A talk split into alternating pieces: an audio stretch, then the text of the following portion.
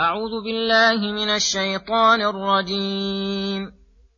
ولقد آتينا موسى الكتاب فاختلف فيه. ولولا كلمة سبقت من ربك لقضي بينهم وإنهم لفي شك منه مريب. وإن كلا لما ليوفينهم ربك أعمالهم إنه بما يعملون خبير فاستقم كما أمرت ومن تاب معك ولا تطغوا إنه بما تعملون بصير ولا تركنوا إلى الذين ظلموا فتمسكم النار وما لكم من دون الله من أولياء وما لكم من دون الله من أولياء ثم لا تنصرون وأقم الصلاة طرفي النهار وزلفا من الليل إن الحسنات يذهبن السيئات ذلك ذكرى للذاكرين واصبر فإن الله لا يضيع أجر المحسنين بسم الله الرحمن الرحيم. السلام عليكم ورحمة الله وبركاته. يقول الله سبحانه ولقد آتينا موسى الكتاب فاختلف فيه ولولا كلمة سبقت من ربك لقضي بينهم وإنهم لفي شك منه وإنهم لفي شك منه مريب فإن كلا لما ليوفينهم ربك أعمالهم إنه بما يعملون خبير. فاستقم كما أمرت ومن تاب معك ولا تطغوا إنه بما تعملون بصير. ولا تركنوا إلى الذين ظلموا فتمسكم النار وما لكم من دون الله من أولياء ثم لا تنصرون. أخبر تعالى أنه آتى موسى الكتاب الذي هو التوراة الموجب للاتفاق على أوامره ونواهيه والاجتماع ولكن مع هذا فإن المنتسبين إليه اختلفوا فيه اختلافا أضر بعقائدهم وبجامعتهم الدينية. ولولا كلمة سبقت من ربك بتأخيرهم وعدم معاجلتهم بالعذاب لقضي بينهم بإحلال العقوبة بالظالم. ولكنه تعالى اقتضت حكمته أن أخر القضاء بينهم إلى يوم القيامة وبقوا في شك مريب.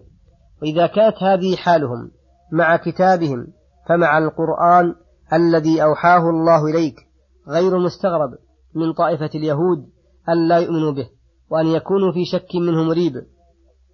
وإن كلا لما ليوفينهم ربك أعمالهم. أي لا بد أن يقضي الله بينهم يوم القيامة بحكمه العدل فيجازي كلا بما يستحق. إنه بما يعملون من خير وشر خبير فلا يخفى عليه شيء من أعمالهم دقيقها وجليلها. ثم لما أخبر بعدم استقامتهم التي أوجبت اختلافهم وافتراقهم أمر نبيه محمد صلى الله عليه وسلم ومن معه من المؤمنين. أن يستقيموا كما أمروا فيسلكوا ما شرعه الله من الشرائع ويعتقدوا ما أخبر الله من العقائد الصحيحة ولا يزيغوا عن ذلك يمنة ولا يسرة ويدوموا على ذلك ولا يطغوا بأن يتجاوزوا ما حده الله لهم من استقامة. وقوله إنه بما تعملون بصير أي لا يخفى عليه شيء من أعمالكم شيء أي لا يخفى عليه من أعمالكم شيء وسيجازيكم عليها ففيه ترغيب لسلوك استقامة وترهيب من ضدها. ولهذا حذرهم عن الميل إلى من تعدى استقامة فقال ولا تركنوا إلى الذين ظلموا فإنكم إذا ملتم إليهم ووافقتموهم على ظلمهم أو رضيتم ما هم عليه من الظلم فتمسكم النار إن فعلتم ذلك وما لكم من دون الله من أولياء يمنعونكم من عذاب الله ولا يحصلون لكم شيئا من ثواب الله. ثم لا تنصرون. أي لا يدفع عنكم العذاب إذا مسكم.